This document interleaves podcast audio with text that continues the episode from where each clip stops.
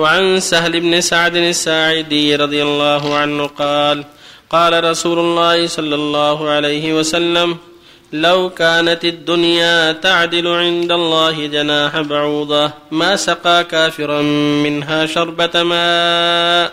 رواه الترمذي وقال حديث حسن صحيح.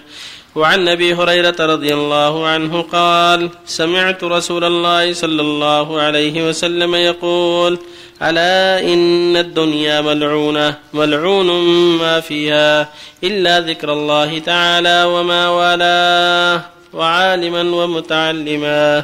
رواه الترمذي وقال حديث حسن. وعن عبد الله بن مسعود رضي الله عنه قال قال رسول الله صلى الله عليه وسلم لا تتخذوا الضيعة فترغبوا في الدنيا. رواه الترمذي وقال حديث حسن. الحمد لله وصلى الله وسلم على رسول الله وعلى آله وأصحابه ومن اهتدى بهداه. أما بعد هذه الأحاديث الحث على الرغبة في الآخرة والإعداد لها وأنها الدنيا لا قيمة لها عند الله. لو كانت تنزل عند الله جناح بعوضة ما أشرق منها كافر أشربة ماء. تقدم قول صلى الله عليه وسلم ما الدنيا في الآخرة كلا كما يدخل أحدهم إصبعه في اليم في البحر فلينظر بما ترجع.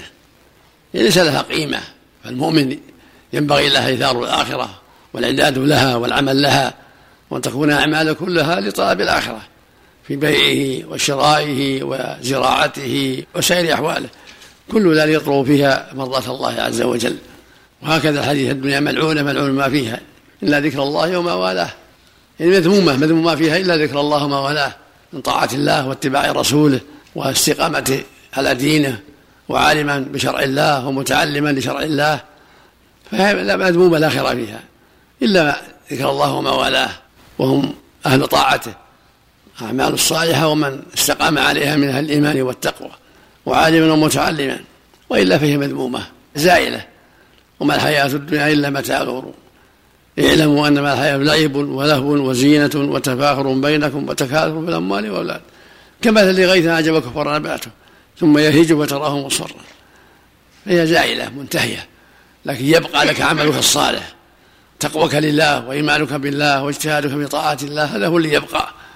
فينبغي المؤمن أن يحرص على ذلك وأن تكون همته عالية. حديث لا تتخذ الضيعة فترغب في الدنيا الضيعة يعني المزارع. لكن إذا أراد الإنسان فيها الخير فالأحاديث الصحيحة تدل على أنها مرغب فيها. يقول صلى الله عليه وسلم ما من مسلم يغرس زرعا يغرس غرسا ولا يزرع زرعا فيكون منه دابة أو طير أو إنسان إلا كان له صدقة. إن صح ما المراد به يعني الضيعة التي تشغل عن طاعة الله. وأما الضيعة التي تعين على طاعة الله في غرسه وزرعه ينفع الناس وينفع نفسه. فقد اتخذها الأنصار واتخذها المسلمون.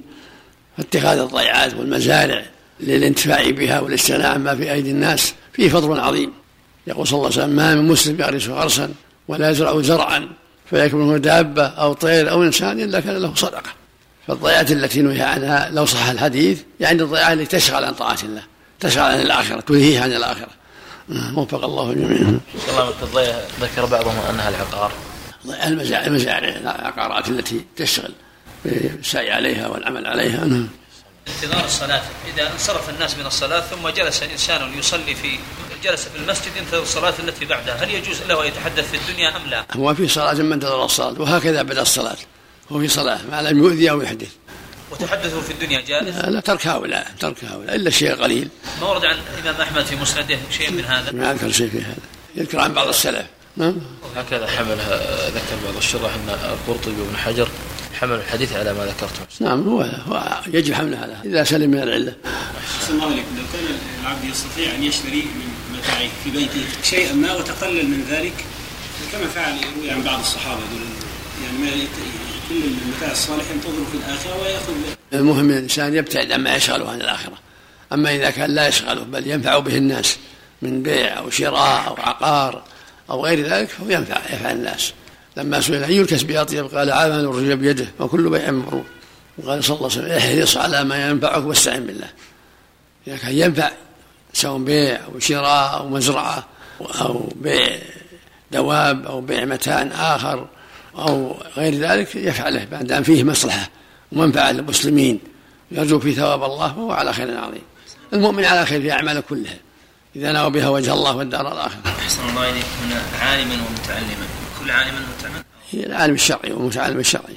العلوم الشرعية نعم. شيخ سلامك الله. آه، جماعة صلوا العشاء على غير اتجاه القبلة يا شيخ. خطأ منهم. وعلموا في في وقت الصلاة يا شيخ. بعد ما صلوا يعيدون يا شيخ؟ إن كان انحراف يسير يعفى عنه. وإن كان انحراف كبير يعيدون. إذا إن كان يسير يعفى عنه. ولو انحرفوا أثناء الصلاة. و- أيه. وأصلحوا من إذا كان يسير وانحرفوا كفى. بارك الله الدنيا ملعونة. مذمومة يعني مع العلماء يعني مذمومة. لأن هنا الذم أحسن الله إليك هل يجوز إنسان أن يشترط إذا مات أن يدفن في بيته؟ لا لا. لو شرط ما شرطه باطل. يدفن مع المسلمين. يدفن في مقابر المسلمين ولا يدفن في بيته. قالوا لماذا يعني أبو بكر وعمر دفنوا في بيت رسول الله؟ لأنهم أصحابه في الخواص. فدفن معه عليه الصلاة والسلام. صارت حجرته مقبرة للجميع للثلاثة. مقبرة خاصة لعل لهم. يعني لأ- لأنهما صاحبه الخاصة رضي الله عنهما. فيكون خاصا به. اجتهاد من الصحابة اجتهاد من الصحابة. بارك الله فيكم. سائلة تسأل بالنسبة لاستخدام اللولب مع العلم أنه يقتل البويضة بعد الإخصاب فهي الحكم؟ إيش؟ سائلة تسأل عن تركيب اللولب مع العلم أن بأنه يقتل البويضة بعد الإخصاب وليس قبله. ف هم يفعلونه لأجل منع الحمل. يفعلون الهجمة ترك أولى. ترك الأولى الأولى والحبوب أولى وكونها تحمل. إلا من حاجة. إذا كان يضرها الحمل أو أطفال كثير عندها واستوى توا تراضت بزوجها على ذلك لا بأس إن شاء الله. وعند الحاجة بارك الله فيكم تستخدم اللولب؟ اللولب والحبوب. لأنه يمنع الحمل مؤقت. بارك الله فيكم لعن الدنيا ولعن الشيطان هل يجوز أحسن الله إليك لعن الشيطان الحمل. ولعن الدنيا الله يلعن الدنيا هل يجوز؟ ترك هؤلاء لأن الرسول ما أخبر عنها أنها ملعونة من جهة الله مذمومة هي من جهة الله. الله أكبر الصلاة والسلام الله يرد عليك. مذمومة من جهة الله. ما قال لعنوها أنتم؟ أحسن الله.